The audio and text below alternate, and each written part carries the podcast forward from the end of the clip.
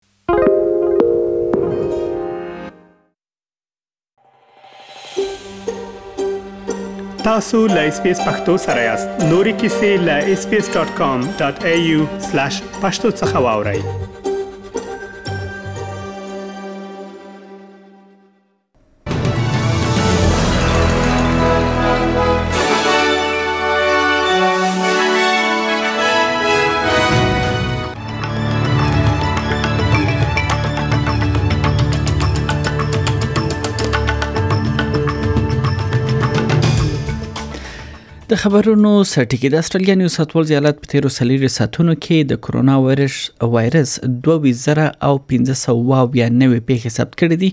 بل خو وکټوریا ایالت بیا 2322 نوې پیښې ثبت کړې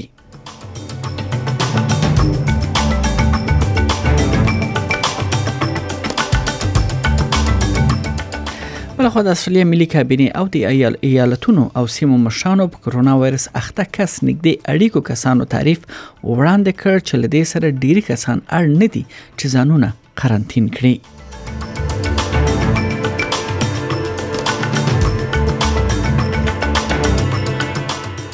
د روغتیا نړیوال ادارې یا دبليو ایچ او مشر خپل نوي کال پیغام کې او ځل بیا په دې خبر ټینګار وکړ چې د نړۍ بیوزلو هیوادونو ته باید د کرونا وایرس واکسین ورسیږي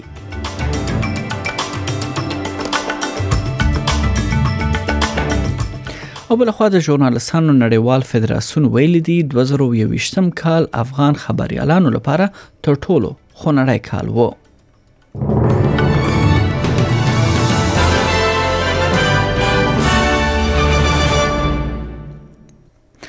او دا هم بشپړ خبرونه مخکې لدی چې خبرونه تاسو وړاندې کړم زه غواړم چې د استرالیا اصلي اوسیدونکو خاور څخه چې نن ترې خبرونه وړاندې کوم هغه ته درناوی وړاندې کړم اس بي اس پښتو د کرنګا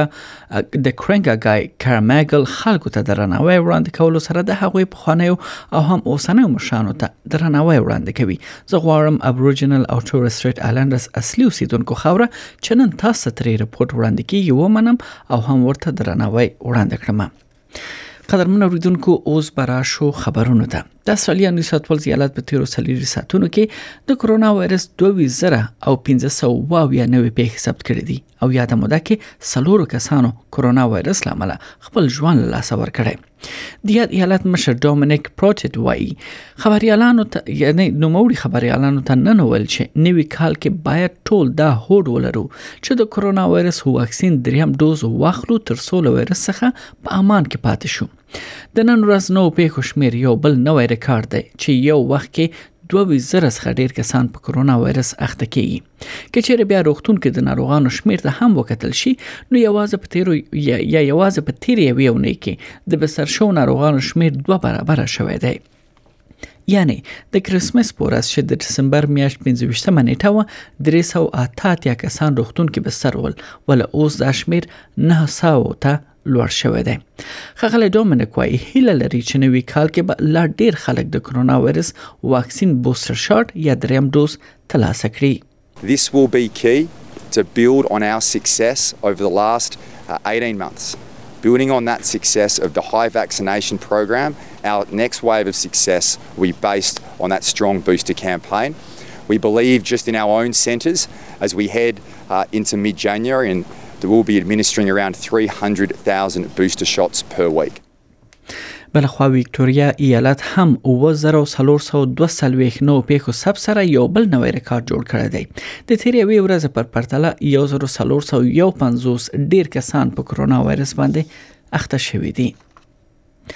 د استرالیا ملي کابینه او د ایالتونو او سیمو مشرانو په کرونا وایرس اخته کس نږدې اړیکو کسانو تعریف وړاندې کړ چې له دې سره ډیری کسان اړ نه دي چې ځانونه قرنطین کړي دا په دې معنی چې کوم کس د کرونا وایرس ناروغ کس سره یا په کور کې او یا بهر کې له سلورو ساعتونو ډیر وخت تیر کړي یا تیر کړی وي هغه نږدې اړیکه کس شمیرل کیږي چې اړ چې اړ دي دوی ځانونه قرنطین کړي ول له سلور ساعتو څخه لږه موده که چاله ناروغه کس سره تیر کړی وي هغه بیا نګدې کسانو کې نشمیرل کیږي استرالیا کې روغتیا په هان وای د حکومت لدې نوې تګلار سره به پیښو کې ډیرواله راشي که تاسو یو بل کس له کووډ 19 ناروغ کس سره له سلور ساعتونو ډیر وخت تیر کړی یا تیر کړی وي نو د پی سي آر معاینه وکړئ او ځان و ورځو لپاره قرنطین کړئ دا قانون په نیو ساوث ولز ایالت وکټوريا کوینزلند کمبرا کې عملي کیږي بیا په جنوبي استرالیا کې د قرنطین موده لس ورځې ده دا چې یعنی 15 دقیقې چټک معنی توکي په درملتونو کې نه پیدا کیږي نو هغه کسان چې ناروغه کس نږدې اړیکی کس وبلل شي او په خوا به و ورځو باندې یعنی و ورځ وروسته دغه چټکه ماینه دوی کوله اوس دوی اړ نه دي ترڅو په ومه ورځ باندې دا ماینه وکړي ډیکن پانتون څخه پروفیسور کاترین بنت وایي چې نوې تګلارې څخه یو خو ډېرې پیښې ماینې پرته پاتې کیږي بل خو پیښو شمیر کې هم ډیروالی راځي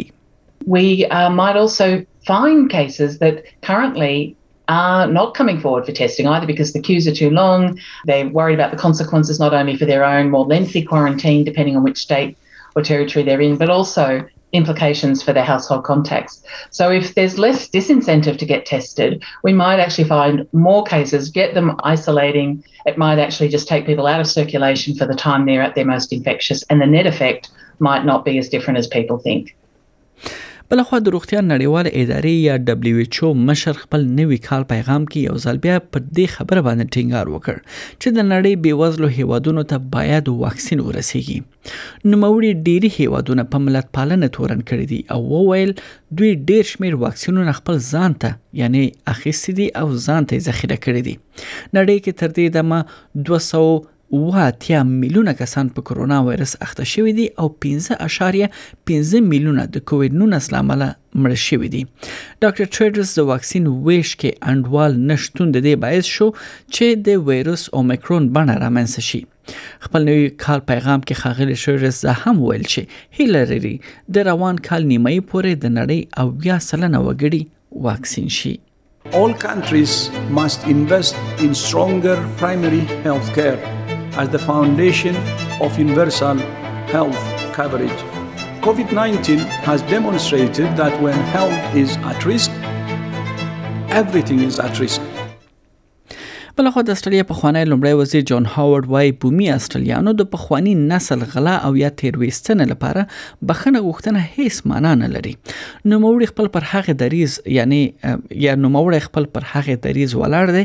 کوم چې د بومي استرالیانو ګډه هوکړه خلاف دریز لري یعنی په هغه هوکړه کې د بخنه غوښتنه شوې ده 2008 کال کې د استرالیا بل پخوانی لومړی وزیر کیوین راډ له بومي استرالیانو څخه د شوو ظلمونو لپاره بخښنه وغوښته. تېرو حکومتونو دوران کې له بومي اسټرلیانو څخه ماشومان یې اخیستل کېدل او هغوی ځانګړو کمپونو کې ساتل کېدل او داسې زده کړې ورته ورکول کېدې چې له خپل بومي دریځ څخه دوی واوړي. د اسټرلیا 2001 کال واکمن حکومت بیا له دې تګلارې هرکلی کړی و او ویلي ول چې هغه مهال د بومي اسټرلیانو ماشومانو لپاره هماغه غوره لار وه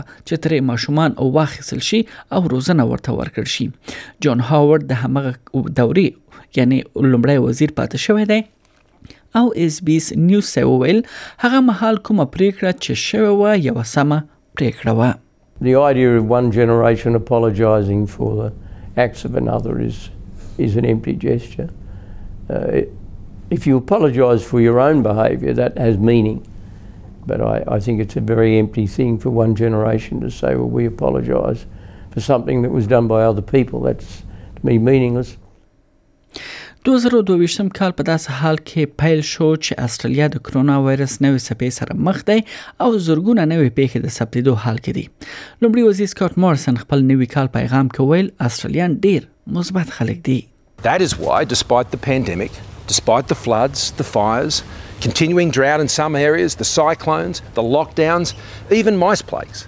Australia is stronger today than we were a year ago and we're safer. we have one of the lowest death rates and the highest vaccination rates from COVID anywhere in the world. And we have one of the strongest advanced economies in the world to come through COVID.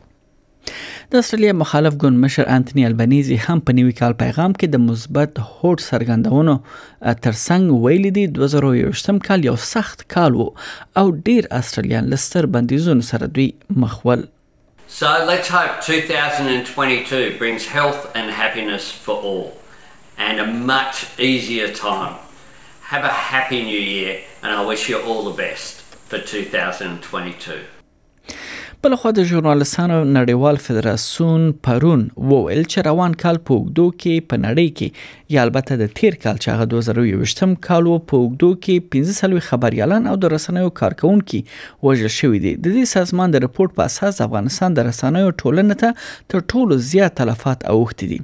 دغه سازمان چې په ټوله نړۍ کې د رسنیو شاوخوا شپږ سوه زرو کارکوونکو استازیتوب کوي ویلي دي چې 2021 کال په ترڅ کې د نړۍ په شلو هیوادونو کې 15 خبريالان او د رسنیو کارکوونکي وژل شوي دي چې د دې جملې څخه درویشت تنو یې په هدفي بریدونو کې ژوند له لاسه ورکړی دی د دې سازمان د سګنی یا البته د 2021 کال رپورت په اساس افغانستان د نه مکسیکو د اتو هند د سلورو پاکستان د دریو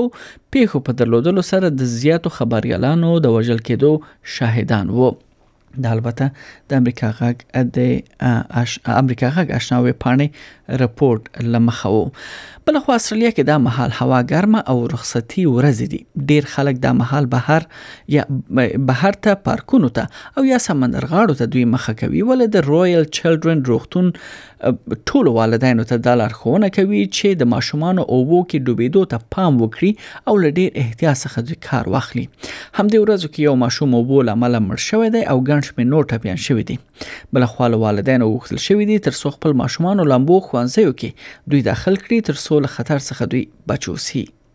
Our affection as Australians for helping to cool off on a hot summer's day in and around the water runs deep in our cultural DNA. But as we head into another expectedly hot New Year's long weekend,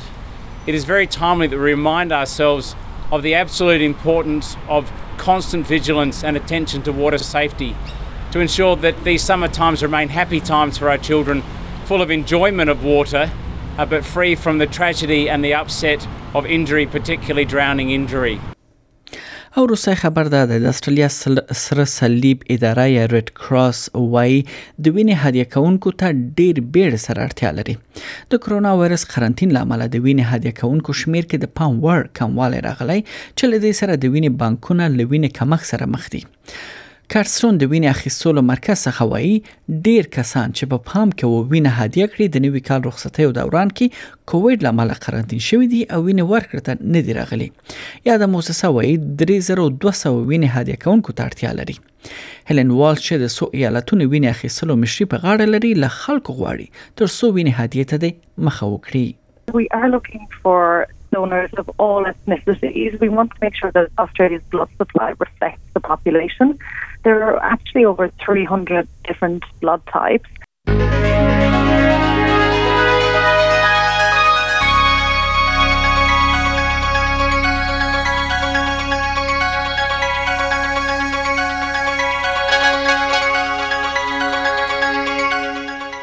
دا هم د اصلي ډالرو پر وړاندې د ځینو بهرنیو اسعارو بیې په نړیوالو مارکیټونو کې یو اصلي ډالر 0.2 امریکایي سنت 0.3 پته ایرو سنت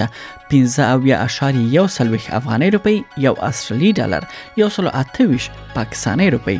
او 450.14 هندۍ روپی 2.8 اماراتي درهم او یو اصلي ډالر 0.35 انګلیسي پنسه ارزښت لري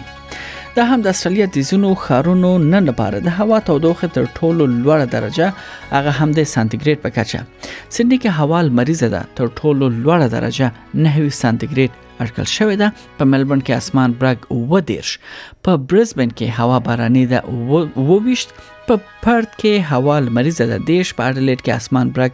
سلور دیش په هوبرټ کې اسمان برګ شپږ ویشت په کمبیرا کې هوا لمریزه ده یو دیرش او په اخر کې ډاروین هلته د باران اټکل دی او د تودوخې تر ټولو لوړه درجه درې دېرش سانتیګریډ اټکل شوې ده